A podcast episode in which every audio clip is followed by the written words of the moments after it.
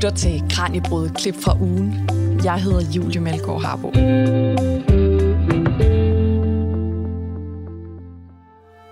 Velkommen til weekendudgaven af Radio 4's videnskabsprogram Kranjebrud. Her kaster vi i løbet af den næste lille time et blik på fire forskellige emner, som øh, Kranjebrud har haft fat på i denne her uge. Og så skal vi altså høre, hvordan forskningen kan gøre os lidt klogere på dem. Først så skal vi øh, bevæge os i inkærernes fodspor og høre om både bjergguder og om børneoffringer. Det kommer også til at handle om arkitektur og om gotisk byggestil. Så bevæger vi os ind i det danske metalmiljø, for vi skal både finde ud af, hvad det er, der driver de her musikere, og hvordan man forsker i denne her musikkultur, som de er en del af. Og til sidst så dykker vi ned i, hvordan det danske sprog er blevet til, og hvordan det bliver påvirket af det engelske. Velkommen til Kranjebruds klip fra ugen.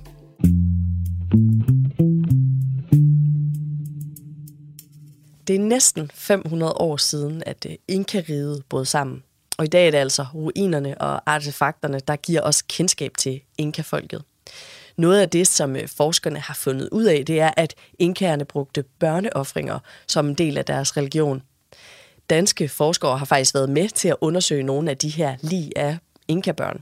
Og øh, de her offringer, de foregik altså for at sikre regn og frugtbarhed, noget som øh, bjergguder ifølge deres religion altså stod for. Det fortæller arkeolog og antropolog Inge Schellerup til Kranjebruds vært Maja Jensen i det klip, som øh, vi skal høre nu. Apurerne, det var bjergguder. Og bjergguderne skulle man hele tiden ofre til, fordi de kunne sikre frugtbarhed, og de kunne sørge for regn. Og i forbindelse med apurerne, der lavede man jo også børneoffringer. Ja, børneoffringer, som du siger, var en del af, af nogle af de her ritualer, der var koblet op på religion, eller jeg ved ikke, om kan vi kalde det en religion, eller på deres tro? Ja, i allerhøjeste grad. En religion, ja.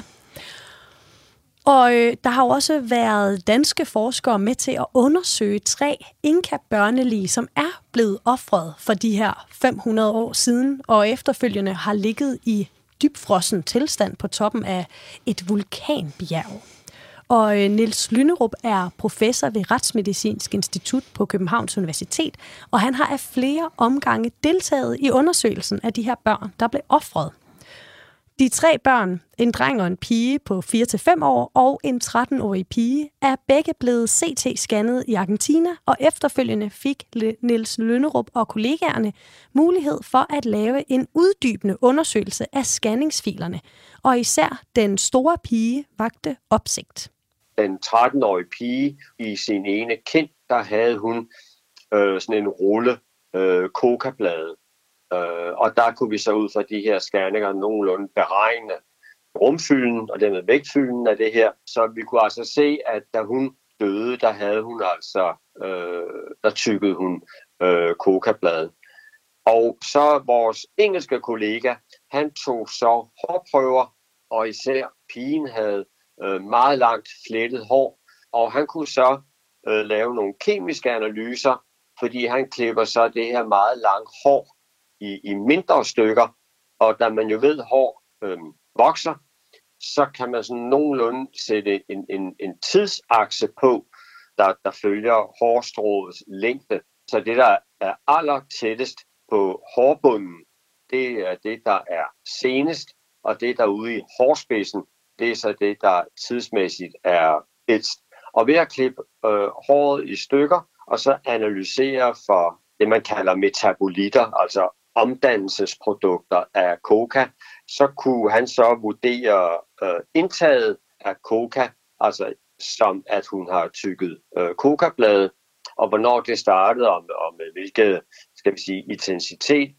Samtidig kunne, man også, øh, kunne han så også undersøge for omdannelsesprodukter af en form for, for alkoholisk drik, chicha, som også indgik i øh, ritual. Og der kunne man så også se, at øh, det her, det steg øh, mod slutningen, altså det senest dannede hår, altså i tiden op til, til, til døden, lige så vel som at coca omdannelsesprodukterne, de, de var begyndt at stige cirka et, et år før hun døde, og derefter havde det været sådan let stigende, og så noget stigende øh, til allersidst. Kunne I afgøre, altså, om de mængder er så voldsomme, så hun har været altså meget påvirket? Ja, men der er altså, hun har helt sikkert været øh, påvirket. Graden af påvirkethed er svær at, at, at, at fastslå ud fra, fra hår. Og, og, men øh, jeg tror, at man skal nok se det som sådan en samlet ting, hvor for det første har det været ualmindeligt anstrengende for de her børn at være, han er sagt, næsten på rejse igennem Andesbjergene igennem måneder, altså måske helt op mod et år. Øh, og det sidste stykke, det har jo så vildt været at gå meget højt op. Altså, de ender jo med at, at være på den her øh, vulkantop, der er 6.700 meter oppe. Det vil sige, at luften er meget, meget tynd. Man kan nemt få højdesyge. Og det er også derfor, at øh, kokablad tykning øh, var, var, og faktisk stadigvæk er relativt almindeligt i, i de her områder her, fordi at det er, det er slet ikke noget, man tager øh, som kokain, der giver sådan et rush, eller, eller, eller giver sådan en, altså kokabladet øh, giver en anden form for, øh, skal vi sige, meget mere stille påvirkning. Det giver sådan en påvirkning af en følelse af, måske det dæmper sult, og det kan også dæmpe, øh, som for eksempel kvalme og træthed. Og det er noget af det, som netop er symptomer ved højdesyge. Så vores tanker er, at øh, kokabladtykningen er indgået som et middel til at få de her børn til at kunne holde ud og, og, og, og gå de afstand og gå så højt op og til at kunne udholde øh, den tynde luft og, og, og den her formentlig højdesyge, der er kommet. Samtidig så har man så altså givet dem det her chicha, altså det her alkoholiske øh, produkt. Og jeg tror, alle de tre ting til sammen, det kan så have, have betydet, at de er døde. Altså det vil sige, det er den her eksponering for kulde og højde og, og simpelthen læmelig udmattelse, hvor til kommer altså noget alkohol og så også noget coca, der, der dæmper nogle af de øh, skal vi sige, reaktioner, der, der ellers øh, vil være. Og øh, så vi, vi tænker på i hvert fald, at hypotesen kan godt være, at de simpelthen har været så udmattet. Og så oveni kommer så den her påvirkning øh, af alkohol og, og, og, og coca. Altså nu har du fortalt en del om, kan man sige, den tid, der ligesom har ført til deres død, men kan I også se noget om tiden før, altså deres liv, om jeg så må sige? Altså vores øh, engelske medarbejder Andrew, han undersøgte også forskellige, det man kalder stabil isotoper, som siger lidt noget om den geografi, hvor man er gået igennem. Øh, og øh, han mener igen ud fra pigens meget lange hår, at kunne vurdere, at det kan passe med, altså at hun er blevet indvidet for over et år siden, og så har skulle øh, gå til Cusco, som formentlig er det, som det er, skal vi sige, højsædet, eller, eller også der, hvor hun så blev, skal vi sige, indvidet øh, til det her. Og så derfra, fra Cusco, er gået op på, på, på, på bjergtoppen. Så vidt jeg ved, så skulle det nogenlunde passe også med øh, delvis historiske efterretninger om, hvordan altså, man blev udvalgt øh, rundt omkring i Inkariget. Derefter skulle man til Cusco for at blive indvidet, og derefter skulle man så et sted hen, hvor man så altså blev øh, offret. Og det fortalte Niels Lønnerup, der er professor ved Retsmedicinsk Institut på Københavns Universitet.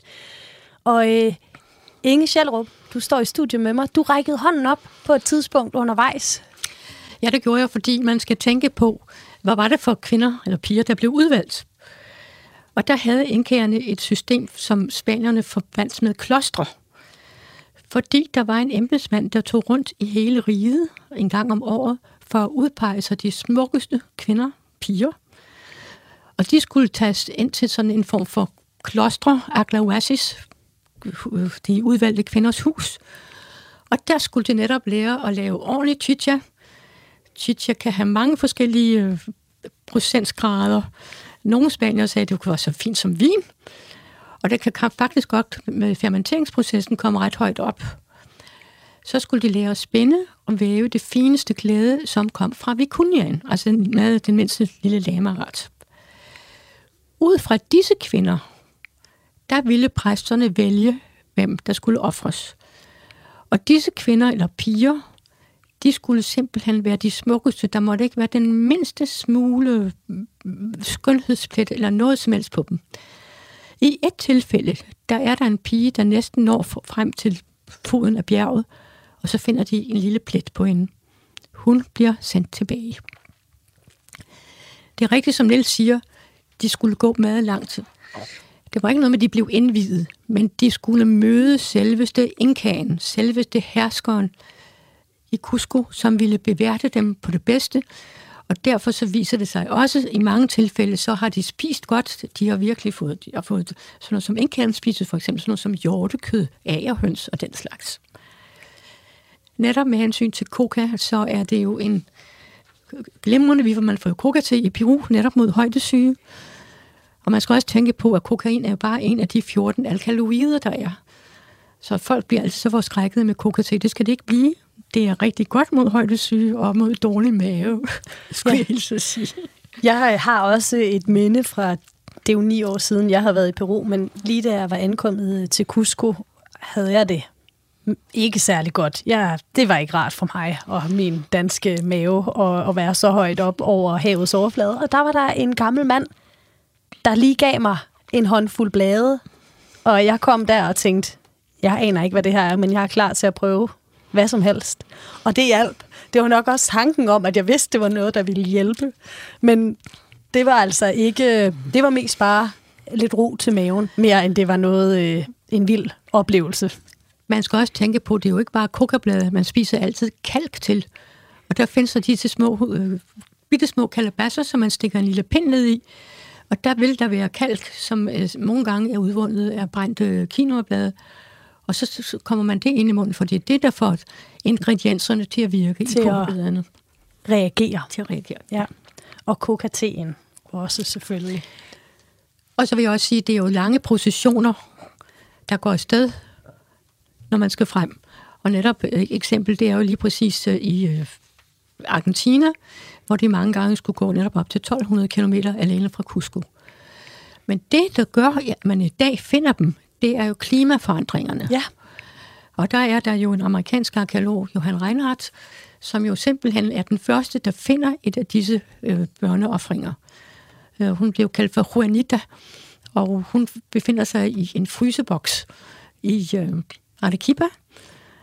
Og øh, de var meget, folk var meget forarvet over, fordi hun blev flot ført til USA, ligesom altså, i boksen, ikke? Jeg vil sige, øh, jeg har set hende selvfølgelig, men der, der har været sådan en duk på, på ruden, så, så det, det har ikke virket så godt. Men ikke desto mindre, så er det jo utroligt. Han, jeg tror, vi er oppe på 10 eller 20, man har fundet nu, og det er jo simpelthen på grund af klimaet. Det er fordi, at øh, ja. de er smeltet fri. Ja, og så, og, så kommer de jo frem. Ja, og indtil da, der har man kun haft det beskrevet i de skriftlige kilder. Det har man, og man troede faktisk ikke på, at det ikke eksisterede. Man har nogen, man har en øh, kronikør, der sidder Molina, der siger, jamen de offrede hundredvis af børn. Selv man Poma, der Ayala, som har tegnet øh, utrolig mange ting, han skriver, at, øh, altså beskriver, hvorfor, hvornår man gør det. Hvis der er hungersnød, hvis en kan er alvorlig syg, hvis der på en eller anden måde er frygtelige jordskælv, hvor det er øh, frygtelige forhold, så er det, at man begynder at ofre det kæreste, man har, som selvfølgelig er ens børn. Men der er også et eksempel på, at en høvding siger, jeg vil gerne have, at min, min øh, datter bliver offret, fordi så får jeg en indkaværningskanal. Ja, okay. Så det kunne både være for gudernes øh, velbehag, men Lige det kunne kunne også være en, en god byttehandel for at få noget... Det øh, kunne det. Ja. Der var flere grunde, og når man hører de her historier om, at der er flere hundrede, der er blevet offret, så må man jo se, når øh, desværre isen jo i højere og højere grad smelter i fremtiden, hvor mange øh, der dukker op. Ja, det, det, altså, jeg tvivler også på, at der har været mange hundrede, men nu er det jo netop fordi, det er der, hvor isen er, hvor, de, hvor man finder dem. Hvad med det nordlige Peru? Der er jo også bjergtoppe, men der er jo ikke is på. Man kan da godt forestille sig, at der er nogen, der er blevet sat derop, og så i tidens løb med rovfugle og alt muligt, at de på den måde er forsvundet. Ja. Det er ikke utænkeligt. Og aldrig bliver fundet, fundet. igen. Det fortalte Inge Schellerup, arkeolog og antropolog.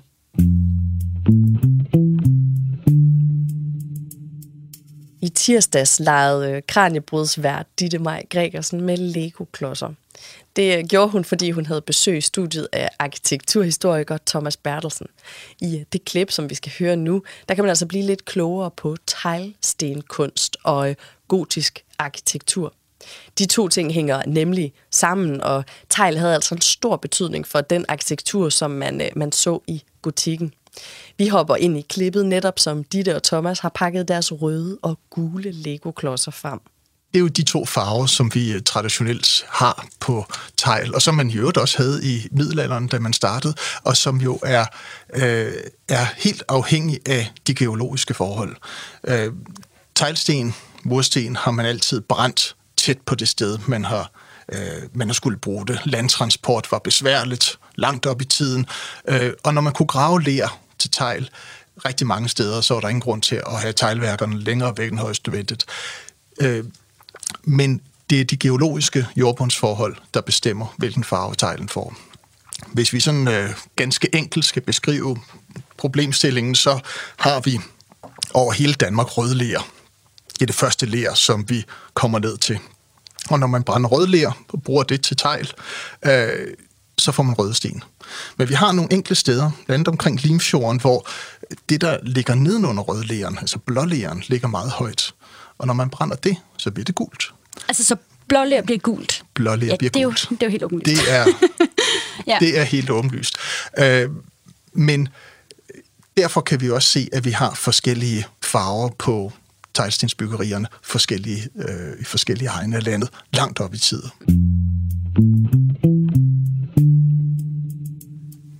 Kan man sige noget om den teglstenskunst, der kommer til Danmark? Ja, man har haft en forestilling om, at den i virkeligheden kom til Danmark direkte fra Lombardiet.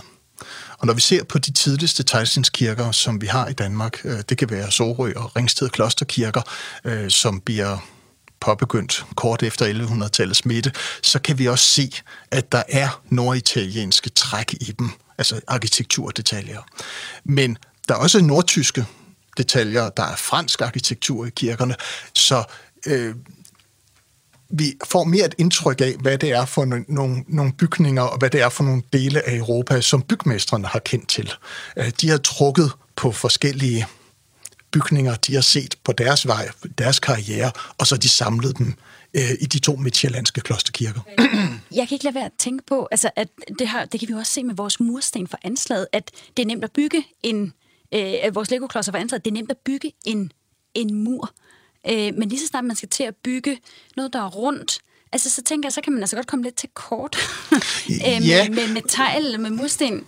Men det er jo der, tegl kan jo også formes i alle mulige former. Man kan behugge dem, sådan at de bliver krumme, og øh, bliver, de, øh, bliver de sat til at lave en, et, et stort cirkelslag, så er det jo sådan set lige meget, at de her relativt små byggesten i middelalderen, så er en mursten sådan der cirka 30 cm lang, 28-30 cm lang.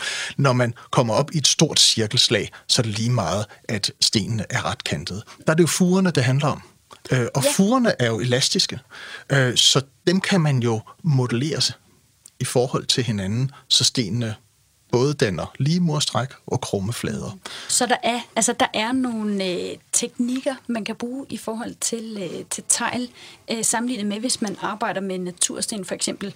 Øh, altså, og, og noget af det, jeg vil, jeg vil frem til, øh, Thomas, det er, at når teglstenskunsten kommer til Danmark, så øh, altså, det hitter jo helt vildt. Det her med, at man kan grave ler op, øh, forme det, stryge det, brænde det, og så har man de her øh, byggeklodser. Øh, altså, så, så ligger, jeg vil sige, så ligger verden åben. Jeg kan, jeg kan lige indskyde. Ja. I det første århundrede, eller de første halve århundrede, efter teglstenen kom til Danmark i midten af 1100-tallet, øh, der kan vi se, at det er toppen af samfundet, altså eliten, som anvender tegl. Der er det stadig et eksklusivt byggemateriale. Øh, men allerede op fra øh, første halvdel af 1200-tallet, så begynder teglen og i virkeligheden udkonkurrere alle de her naturstensmaterialer, vi tidligere har anvendt. Nu har vi ikke grundfjeld, men vi har jo marksten, og vi kan grave noget kalk, og vi har noget kildekalk, som vi også har kunnet bygge af, altså forskellige kalkmaterialer. Øh, men de bliver i løbet af 1200-tallet stort set udkonkurreret til fordel, til fordel for tegl, som bliver det enrådende materiale i, i Danmark. Og sådan har det jo sådan stort set været lige siden. Altså, hvis du skal sætte nogle sådan arkitekturhistoriske øh, begreber på gotikken, hvad er det for en periode? Jamen, du har jo sådan et helt klassisk syn på, øh, på, på gotikken. Det er jo sådan den mørke middelalder, hvor det er, er tåget flere hundrede år, og, og folk dør af pest. Øh, det, det, det, er lidt, det er lidt mere kompliceret. Øh, gotikken er jo, som du også selv nævner, det er jo i virkeligheden en, en nyere øh, kunsthistorisk term, som beskriver en bestemt arkitektur, en bestemt kunstretning, som vi har anvendt i Europa i, i, øh, i middelalderen. Øh, men hvis vi sådan ganske kort skal beskrive, hvordan gotikken forholder sig til arkitekturen, så kan vi tænke på de store katedraler, som vi har i Tyskland, Frankrig og England, øh, som vi kan besøge. Notre Dame i Paris. Øh, store, luftige bygninger med udvendige stræbepiller, som danner sådan et helt net af støtter for en bygning, øh, med spidsbuer, store spidsbuede vinduer, hvor der indimellem er mere vindue, end der er mur. Mm. Så det er også nogle meget lyse bygninger. Øh, det er sådan det, vi forbinder med gotikken i forhold til, i modsætning til øh, de bygninger, som vi havde før, de kirkebygninger, som vi havde i øh, de romanske kirker, som havde små vinduer og som var, var mørke. Mm. Altså den her ændring i byggestil, eller sådan, handler det om de materialer, man havde, eller handler det om sådan praktik, eller hvad, hvad handler det om? Man kan i hvert fald sige, at resultatet, når vi navnet kigger på den franske gotik fra 1100-tallet, øh, de resultater, som vi får, øh, er jo meget afhængige af de materialer, som man også anvender. Altså materialet, byggematerialet, bestemmer i høj grad det udtryk, som en bygning får. Mm.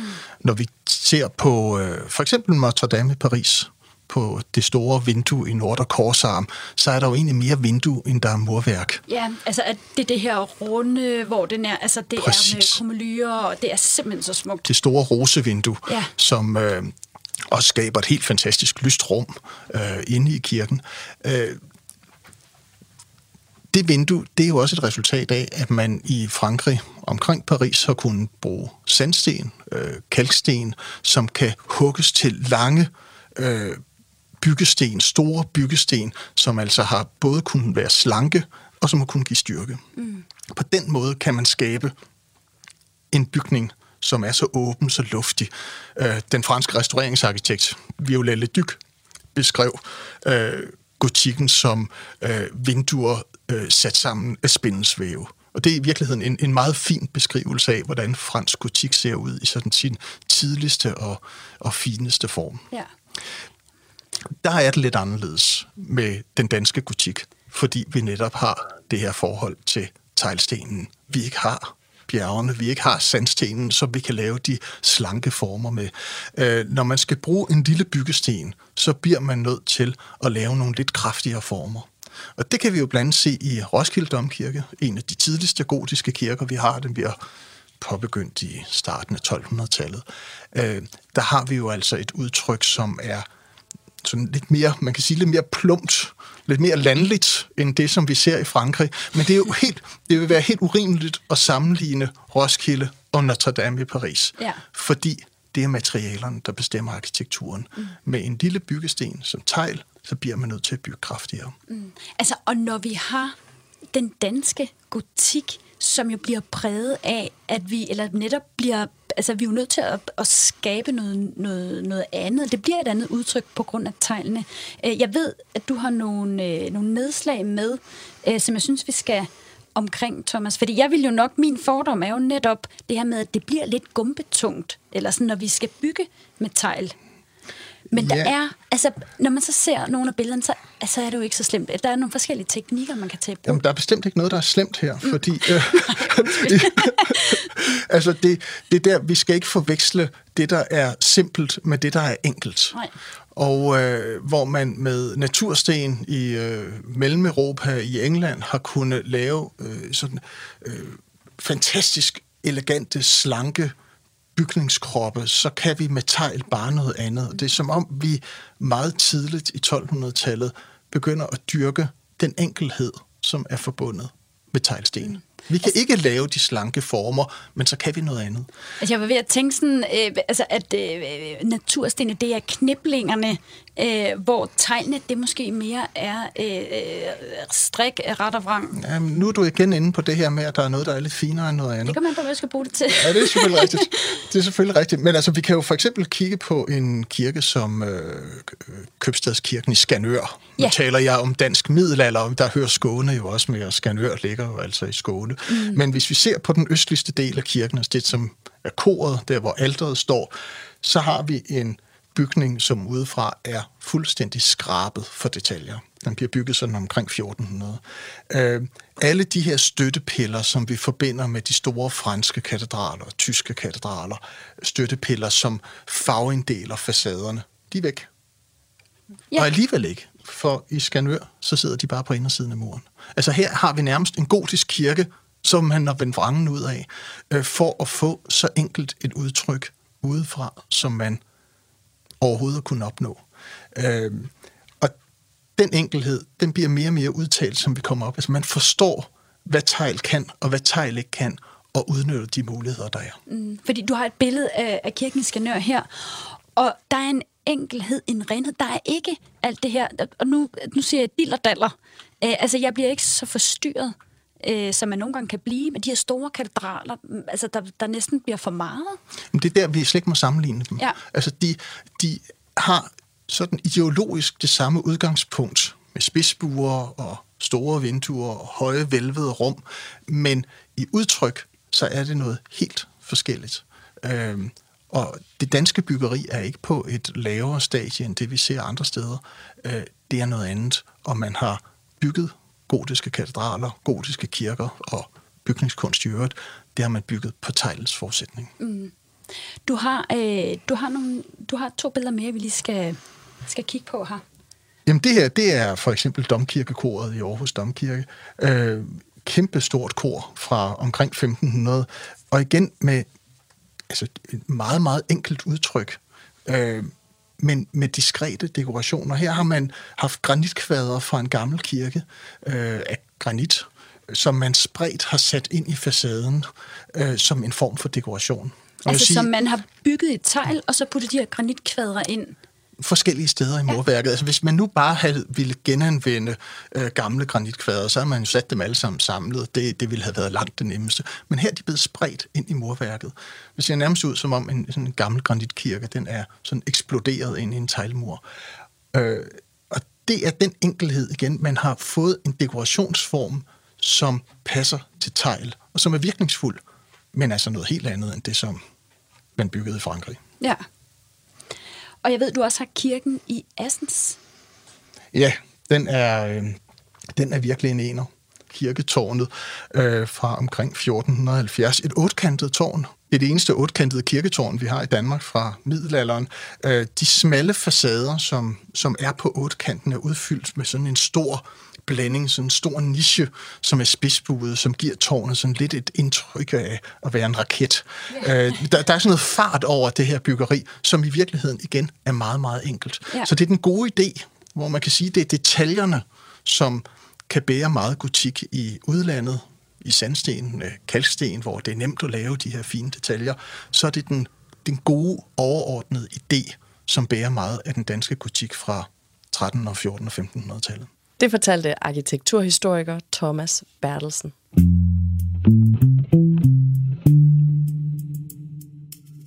Mit navn er Julie Melgaard Harbo, og du lytter til weekendudgaven af Radio 4's øh, videnskabsprogram Kranjebrud. Her øh, serverer jeg nogle udvalgte klip fra de programmer, der er blevet sendt i ugens løb. Så øh, hvis du gerne vil snuse lidt til nogle forskellige hjørner af forskningens fascinerende verden, så har du altså havnet det helt rigtige sted. Nu skal det handle om metal. Ikke øh, den slags metal, man laver knive og gafler af, men om metalmusikken. I øh, metalmiljøet er der nemlig en helt speciel kultur, og øh, den undersøgte kranjebrudsvært Peter Løde altså i onsdags, da han talte med Tore Tvarnø Lind, lektor ved Institut for Kunst og Kulturvidenskab ved Københavns Universitet. Tore forsker nemlig i de her metalmiljøer og forklarer altså, hvordan den slags forskning overhovedet foregår. Vi skal også høre fra Ole Luk, der er musiker i bandet Afsky, som fortæller, hvad det er, der sker i ham, når han spiller metal. Jamen altså, hvis man er musikantropolog, som jeg er, og øh, så interesserer man sig for de mennesker, der laver musik, og hvorfor de gør det, og hvad musikken betyder for dem. Den har jo en, en meget stor plads i, øh, i øh, ikke mindst i udøvendes øh, verden, men også i mange lytteres øh, hverdag. Og det interesserer mig, hvad, hvad folk får ud af at lytte til den her. Så jeg er nødt til at placere mig der, hvor øh, black metal for eksempel øh, udfolder sig. Og det gør den jo til koncerter. Så jeg går rigtig meget til koncert. Øh, også for at, at opleve det, øh, som, som øh, publikum oplever. Det er lidt sværere for mig at deltage som, som musiker, fordi det er jo en, øh, en, en, en type feltarbejde eller forskning, hvor, hvor bands er veldefineret. Så det der med lige at gå ind og være en del af koret, det er ikke sådan, det er ikke sådan helt det, det foregår. Øhm, så jeg kan placere mig blandt øh, publikum, men jeg hænger jo også ud med, med bands øh, backstage og i deres øh, efterhånden også i, i, i øvelokaler og lydstudier og så videre. Og nogle enkelte gange øh, så mødes vi også hjemme hos, øh, hos øh, hinanden. Så, øh, og der lytter vi og taler om, om musik, og navnlig taler om, hvis det er musikere, taler med, altså om deres musik, som interesserer mig. Og så, øh, altså, I, så hænger I jo så ud, dig og bandsene, eller dem, der kommer i miljøet. Altså, i, i hvor høj grad handler det også om at go with the flow? Altså, hvis de drikker sig fuld, drikker du dig så også fuld sammen med dem? øh, der, er, der er en del øh, øh, øh, alkohol involveret i, i nogle af møderne, men ikke altid. Der var en periode, hvor jeg øh, selv havde behov for at ikke lige at drikke øl, øh, så drak jeg dansk vand, og så fik jeg øje på alle de metalfolk, der faktisk tager sådan en pause indimellem, og også drikker dansk vand, og så fik vi en særlig sludder om det. Og så vil jeg skynde mig at sige, at jeg får tilbudt øh, rigtig meget røg også, og, og det er så ikke mig. øh, jeg, jeg har aldrig kunne ryge, hverken det ene eller det andet, så, så der takker jeg så pænt nej. Øh. Men hvorfor er det vigtigt for din research og, og din forskning, at du engagerer dig så meget som muligt i miljøet, og er så aktiv en del af det som overhovedet muligt? Ja, men det er fordi, at øh, musikalske betydninger, de øh, opstår jo i relationer mellem mennesker, altså i det sociale. Hvad, hvad, hvad noget musik er defineret som, det, det er et socialt fænomen. Og øh, så derfor er jeg nødt til at placere mig i de relationer, hvor der bliver talt om, hvad musikken er. Det vil sige, altså, hvad den betyder. Øh, jeg kan, man kan ikke bare observere øh, øh, som en flue på væggen relationer fra fra loftet, eller sådan. Jeg kan heller ikke klart kravle op der, hvor, hvor der hænger med, øh, hvad hedder det, øh, projektører og sådan noget i spillesteder. Altså, jeg, jeg, jeg står på gulvet, øh, hvor, hvor andre er og taler med folk i baren og, og så videre, så videre, ikke? Øhm, så det handler om at, at prøve at, at, altså at ja, og, og, og, og få nogle relation, og bygge nogle relationer til, til folk. Og det er i høj grad baseret på, øh, øh, på tillid, og øh, som kan udvikle sig til øh, fra bekendtskaber til venskaber og, øh, og så videre. Det er, en, det er jo en del af den måde, øh, jeg, jeg forsker på. Så jeg bruger også min egen sanser, kan man sige, for, for, for at forstå, hvad, hvad musikken gør ved, øh, det, det kunne dig, hvad gør Rain in Blood øh, ved dig? Øh, jamen, så, så, så, så må jeg selv sanse og, og prøve at finde ud af, hvad, hvad er det, hvad er det du, øh, der, at der er så, så øh, der trigger sådan nogle stærke øh, impulser øh, i dig, for eksempel. Ikke? Og ja, så kan det være, det smittet af på mig, og, øh, og, og, og også på andre, kan man sige. Øh, så det er de affektive fællesskaber, øh, kan man kalde det, altså de her øh, stemningstemaer på en eller anden måde, der, der kan bringe os sammen i, i sådan en scene. Hvad er dit indtryk så af, hvad det, altså, kan man sætte en type på, hvem det er, der lytter til metalmusik? Mit indtryk er, at det er mange meget forskellige mennesker, der, der øh, lytter øh, til øh, metalmusik. Flere end, øh, end, der, end, også, end der har været. Før i tiden har man talt om den her ungdomskultur og musikken her med, med, med satantemaer og, og, og, og selvmordstemaer og alt muligt, der har der fordærvet ungdommen. Øh, der må man sige, at der er ungdommen jo altså så blevet midalderne efterhånden og, og hører stadig metal, så, så det der med ungdomsmusik ved, ved jeg ikke rigtigt. øh, men, men det gør noget, der, der er flere generationer jo, der, der lytter til, til metalmusik i dag af, af gode grunde.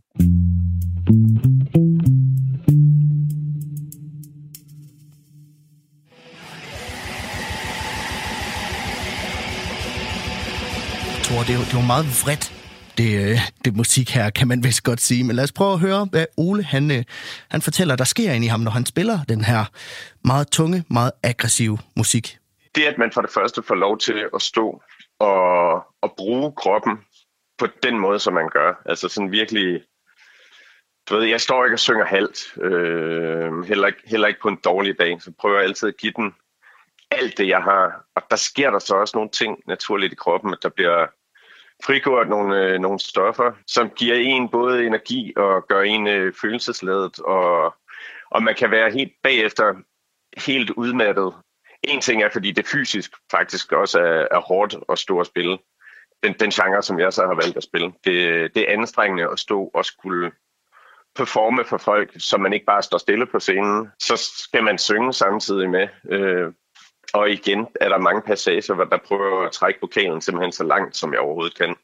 Hvilket vil sige, det kan også mærkes i maven. Så på den måde, så kan det at spille live føles som sådan en helt en hel, nu er det ikke så tit i fitnesscenter, men, øh, men jeg forestiller mig som simpelthen at bare stå ved en maskine, indtil dine arme de ikke kan mere, eller indtil dine ben ikke kan mere, men her der er det så bare hele kroppen, der er i spil. Øh, og jeg vil også sige, at den koncert, vi lige spillede her i weekenden, der spillede vi halvanden time, der kunne jeg også godt mærke, der var min kræfters ende faktisk næsten nået til sidst. Er, er du så fyldt med aggression, når du synger de her vrede strofer? Jamen, jeg vil sige, at det, det, der, ligger en, der ligger en aggression i det, men lige så meget en... Øh, fordi jeg ser ikke, du ved, jeg, jeg ser overhovedet ikke mig selv som i bund og grund aggressiv og voldelig, men jeg ser måske mig selv som et menneske med med utrolig mange følelser, som jeg gerne vil, vil synge om, øh, ikke, ikke mindst bare for min egen skyld og få et eller andet ud. Så jeg vil sige, det, det er nok mere en, øh, det, det bliver sådan et desperat frustration, afmagt, øh, er måske mere de ord, jeg vil, jeg vil putte på. Men som i virkeligheden i udtrykket kommer til udtryk på samme måde som, som en aggression eller en vrede. Der, det, det er som om, der er mere luft, der skal ud, end der kan komme ud af en på, på én gang. Altså næsten som at helt billedligt at skulle vende vrangen ud på sig selv, eller en, en trykkoger, der simpelthen bare springer til sidst. Det skal bare ud. Det skal ud, det der er, det der er inde i. Og du sagde du så, rent fysisk, der er det næsten som at løbe et maratonløb øh, og, og køre halvanden times koncert for, for fuld drøn. Hvordan har du det rent mentalt efter sådan en ombæring? Øh, altså jeg har det altid nu, nu taler jeg bare helt generelt. Selvfølgelig kan der være enkelte shows, hvor man synes, der er et eller andet, der er lige generet en. Men, men helt generelt, så føler jeg en, en utrolig stor lettelse, når jeg, når jeg gør af, af scenen. Øh, også tit, så vil jeg i virkeligheden gerne blive ved. Så er der noget fysik, der sætter nogle, nogle begrænsninger. Men, men overordnet, så har jeg en, en følelse af at være let og være kommet af med et eller andet.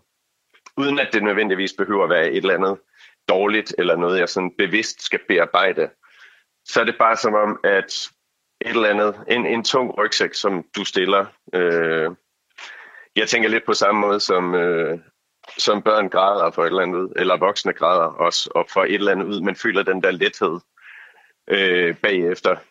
Så ikke, at det er, fordi det er, det er forfærdeligt at stå og være i, når man spiller. Det er, det er utroligt fedt at stå og være i. Men, øh, men, men der kommer også en eller, anden, en eller anden form for forløsning bagefter. Men en ting er så koncerterne, altså, og, et musikerliv, det består jo af mange andre ting. Der skal også øves for eksempel, eller der skal måske indspilles en gang imellem. Øh, hvad kan de tænke i dig? Øh, jamen hele, hele øve, øh, nu lige med afsky, der er det ikke fordi vi øver så meget, også fordi to af dem, der er med som live medlemmer lige nu, de bor i øh, Aarhus.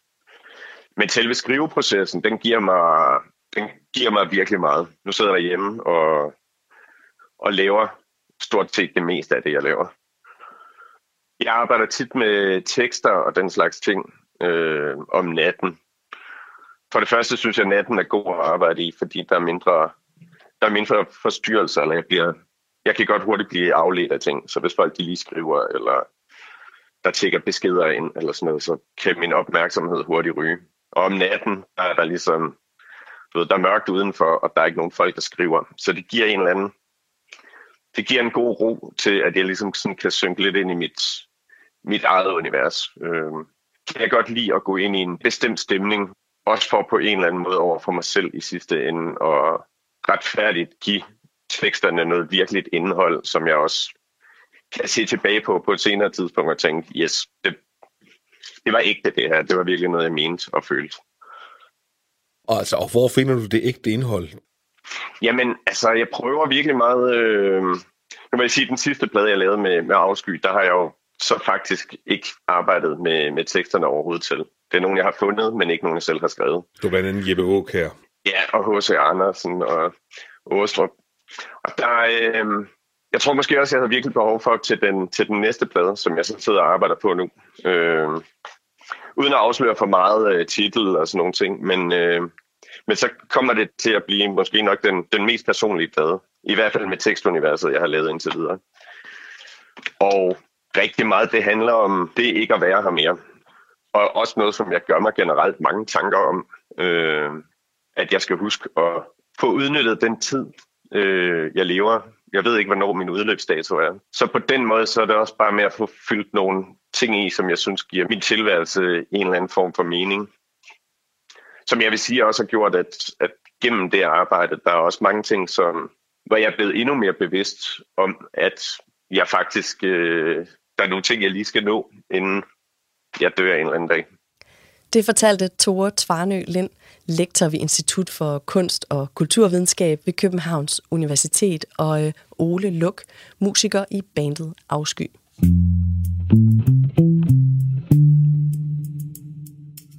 Nu skal vi på en lille sproghistorisk rejse. Det danske sprog stammer nemlig flere forskellige steder fra og er gennem tiden blevet påvirket af mange forskellige sprog. Kranjebrudets Ditte Maj Gregersen talte med Bent Jørgensen, der er professor emeritus i dansk sproghistorie. Sammen dykkede de ned i, hvordan det så ud, da dansk og svensk for alvor begyndte at adskille sig fra hinanden. Vi skal også forbi nogle af de nyere tendenser til at indoptage engelske ord og udtryk i det danske sprog. For øh, når vi indoptager nye ord i det danske sprog, er det så egentlig et dansk, der vokser eller skrumper. Vi øh, springer ind i klippet her, netop som Bent Jørgensen fortæller om, hvordan vi egentlig fik et dansk sprog. Ja, fordi på det tidspunkt havde norsk, færøsk, ej, færøsk kender man meget lidt til, men det går man ud fra. Men norsk og islandsk øh, allerede øh, fjernede sig lidt mere fra det øh, øh, fra dansk. Hvornår, så, hvornår altså, er vi henne her? Altså, det er før år 1200, kan man sige, og så fra, fra øh, med begyndelse i 1200-tallet, vil jeg sige, der begynder svensk at indeholde, altså vi taler jo stadigvæk om skrevet svensk, hvor vi har jo ikke andet. Øh, øh, der begynder det at, at have nogle markører, der viser, at det, det, er nok, det, det er nok ikke dansk, det kan man sige, når man siger, at der er noget med nogle øh, endelser i nogle øh, af, af verberne, øh, som øh, vi øh, giver afkald på at bruge i dansk, men som svenskerne holder lidt holder fast i lidt længere tid. Øh, de kan godt være gået tabt nu om dagen i svensk, det er de nemlig, men de holder lidt længere fast i, i, øh, i forskellige bøjningsendelser. Mm. Ikke kun i verberne, også i navneordene. Ja, og du har nævnt et eksempel øh, for mig, det her med gata, altså gade. Ja, det er sådan mere den lydlige, øh, den lydlige øh, side, som jo altså også, hvor svensk jo og dansk også øh, flytter sig fra hinanden, og det samme i forhold til norsk og islandsk og så videre. Altså, at hvis vi tager ordet gade, som jeg nu udtaler på forhåbentlig nogenlunde rigtig rigsdansk gade, øh, det, øh, det, det hedder jo gata på svensk med T. Og det der T, det er den oprindelige lyd, eller rettere sagt det oprindelige bogstav, øh, som øh, lydmarkør der midt inde i ordet gade. Det T, det bliver så til et blødt, det må vi forestille os, gade. Øh, det kan vi følge igennem den skriftlige udvikling og igennem middelalder dansk og svensk, og efterhånden bliver det til et, et blødt D. Og det sjove ved det er, at det, det er sådan, ligesom lidt øh, koncentriske ringe, den slags øh, samtidig breder sig i, fordi den sydlige del af Norge, øh, der ellers har øh, bevaret det der, der har man faktisk det, sproghistorikere kalder den bløde kyststribe, hvor, hvor sådan et T også er blevet til D. Men det er ikke kun, det er ikke gået længere end til D-stadiet i, i der, mens dansk så øh, går endnu videre øh, til, øh, til blødt D-gade, og øh, nogle dialekter går endda endnu videre. Mm. Altså, kan man sige noget om, hvorfor den her udvikling, den sker? Nej, det kan man egentlig ikke. Altså, øh, tilbage i romantikkens tid for et par århundrede siden, der var man inde på, at det var sådan et udtryk for en eller anden form for dogenskab eller øh, malighed, øh, at, at vi, øh, vi havde de der udviklinger i dansk, og dansk blev sådan betragtet lidt som et, øh, et depraveret sprog, som, øh, som, som ikke rigtig øh, havde formået at holde fast i, i sine øh, gamle rødder og alt det der. Men, men det, det, det giver ingen mening rigtig øh, at, at tænke i de baner. Det, man ved det ikke, mm. simpelthen.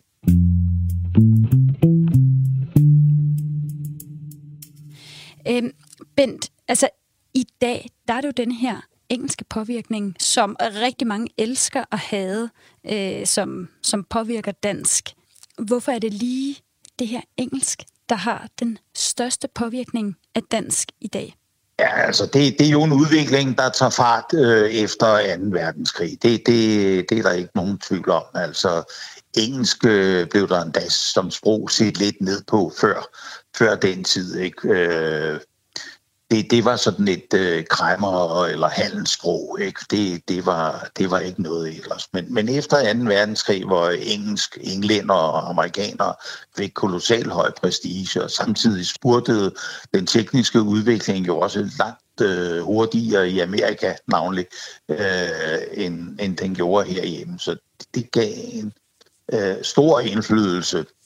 Ikke alene inden for øh, bestemte fagområder, øh, naturvidenskab, lægevidenskab, men jo også sådan bredt kulturelt med hele, efterhånden hele filmkulturen, ungdomskulturen med musik og så videre med tekster på, på engelsk. Det, det, det hænger sammen alt sammen på en eller anden ja, måde. Ja, så det, altså engelsk har ligesom sat sig på rigtig mange domæner. Det øh, kan man roligt sige, og, og altså, øh, vi har selvfølgelig stadigvæk en dansk sang, ikke kun lejlighedssang, men også øh, sådan øh, visesang og popsang og, og så videre, men, men øh, der, er, der er også et betydeligt indslag af, af engelsk på det område. Ja, altså kan, kan det komme til at skifte, så det bliver et andet sprog, der bliver lige så dominerende, som, som engelsk er nu? Ja, så skulle jeg jo altså være i stand til at kigge ned i den store krystalkugle, ja. men øh, og det, det er jo ikke til at få øje på i vores Nej. dage. Det, det, det må man altså sige. Øh, det, tid, tidligere var det tysk og fransk har jo også spillet en vis rolle som påvirkningssprog i Danmark, men, øh, men, men øh, at vi øh, skulle af engelsk skulle miste den der alt dominerende øh, indflydelse, det, det er altså svært at få øje på. Altså det er bare engelsk, der påvirker dansk allermest nu? Ja, øh, det, ja. Det, det kommer man ikke udenom. Mm. Når vi så låner ord ind, hvordan, øh, hvordan gør vi det? Der er nogle af dem, dem får vi inkorporeret i vores sprog, så de får en dansk bøjning. Øh, og der er nogen, øh, vi, vi bare bruger, som de nu engang er fra engelsk. Er der nogen måde at gøre det på? Bliver det reguleret? Nej, det gør det egentlig ikke. Altså, der, der er forskellige holdninger til, øh, hvor meget eller lidt det engelske, øh, han er sagt, vi har brug for. Øh, der kan jo være nogle områder, hvor der pludselig opstår noget nyt. Altså hele computersiden, øh, for eksempel, det er jo det, det er jo genereret fra, fra det engelsk-amerikanske øh, kulturområde, og det er jo også der, maskinerne er udviklet især ja, nu bliver de lavet i Kina, det ved jeg godt, men, øh, men altså, det, det er alligevel kommet ind fra engelsk og amerikansk, og derfor er for eksempel det område øh, meget præget af, af, af engelsk og amerikansk. Men, men en gang imellem, så finder man jo alligevel ud af, at vi vil have et dansk ord, og så siger man hjemmeside øh, Ja. øh, øh, på helt, helt naturligt. Ikke? Ja. Altså, øhm, i forhold til de andre nordiske sprog, norsk for eksempel, altså, er det de samme ord, vi låner fra engelsk i Danmark, ja. som i Norge? Nej, det, det, der, det, det er også lidt mærkeligt. Altså nu, vi- hvis vi lige bliver i computerafdelingen, så øh, det, vi siger download og sådan noget på dansk. Det, det går meget pænt. Det vil nord, nordmændene vil rynke på næsen, for de siger øh, nedlaste øh, en, en eller anden, som man tager ned fra nettet. Ja. Øh, men, men på andre områder, som ikke er sådan fagspecifikke, kan man også se, altså for eksempel siger nordmændene jo tøf øh, om alle, alle mulige ting, som de synes er seje eller rigtig, øh, rigtig øh, gode, eller måske også hårde.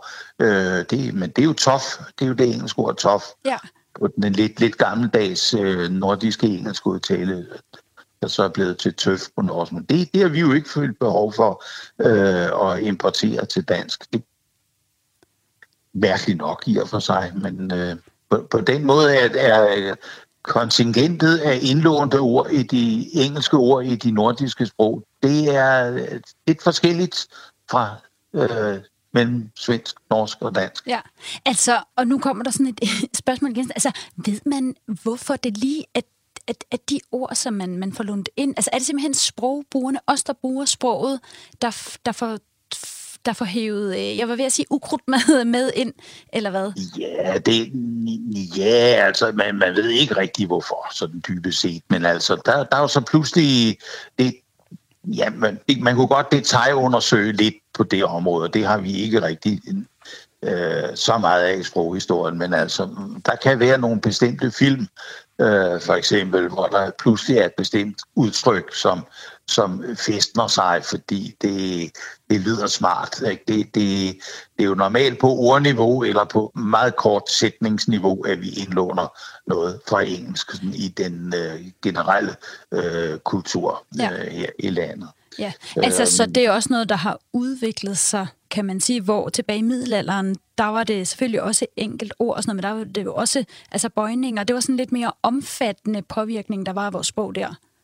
Ja, fra tysk øh, navnlig altså. Et, ellers så er påvirkningen fra andre sprog i middelalderen, den er, det, ja, bortset fra latin, den er jo beskeden, men, men, øh, men påvirkningen fra latin er jo i, i middelalderen øh, er jo mere øh, bestemt inden for øh, lærdomsfagene, altså øh, teologi øh, og, og øh, som jo spiller den helt store rolle på det tidspunkt. Når vi låner ord i dag, er det så dansk, der, der vokser, eller dansk, der, der skrumper?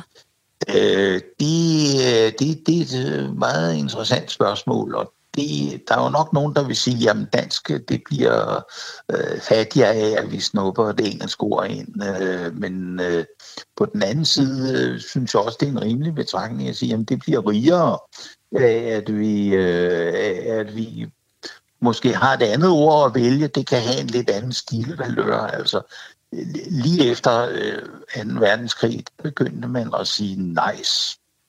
Øh, I vores dage er det, det har så vel ligget dødt i en periode.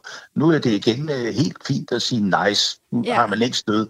Nu har man ikke stød mere. Det havde man dengang øh, lige efter krigen, fordi vi ikke var så fortrolige med engelsk, øh, som øh, vi er nu om dagen.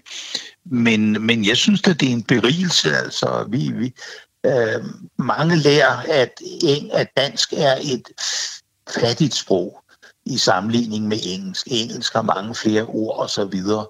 Ja, men vi kan jo udtrykke det samme, men, men når, når, når englænderne de skældner mellem øh, et øh, lamp som om et lam, men kalder det mutton, når de spiser det, Ja. øh, så sådan øh, kan man sige, at vi sagtens både spise et lam og æde et lam. Ikke? Øh, det, det behøver vi ikke to ord til, men øh, det er vel en berigelse, at man har to ord, hvis vi nu havde det også på det område. Og, og mad, madområdet, for nu lige at at fortsætte i det spor, det, det øh, har jo betinget utrolig stor import af, af, af, af nye ord og nye udtryk i dansk. Det fortalte Bent Jørgensen, professor emeritus i dansk historie.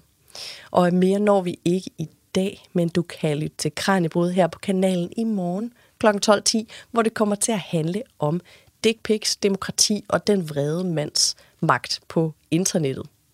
Hvis du er interesseret i at høre et af de her programmer, som jeg har spillet klip fra i dag, så kan du altså finde dem alle sammen i fuld længde, enten på øh, Radio 4's hjemmeside eller i din foretrukne podcast-app. Hvis du øh, sidder derude med en idé til et spændende emne, som du synes, vi skulle tage at dække på Kranjebrød, så kan du altid sende os en besked på kranjebrød radio4.dk. Mit navn er Julie Melgaard Harbo. Tak fordi du lyttede med. Programmet er produceret af Videnslyd for Radio 4.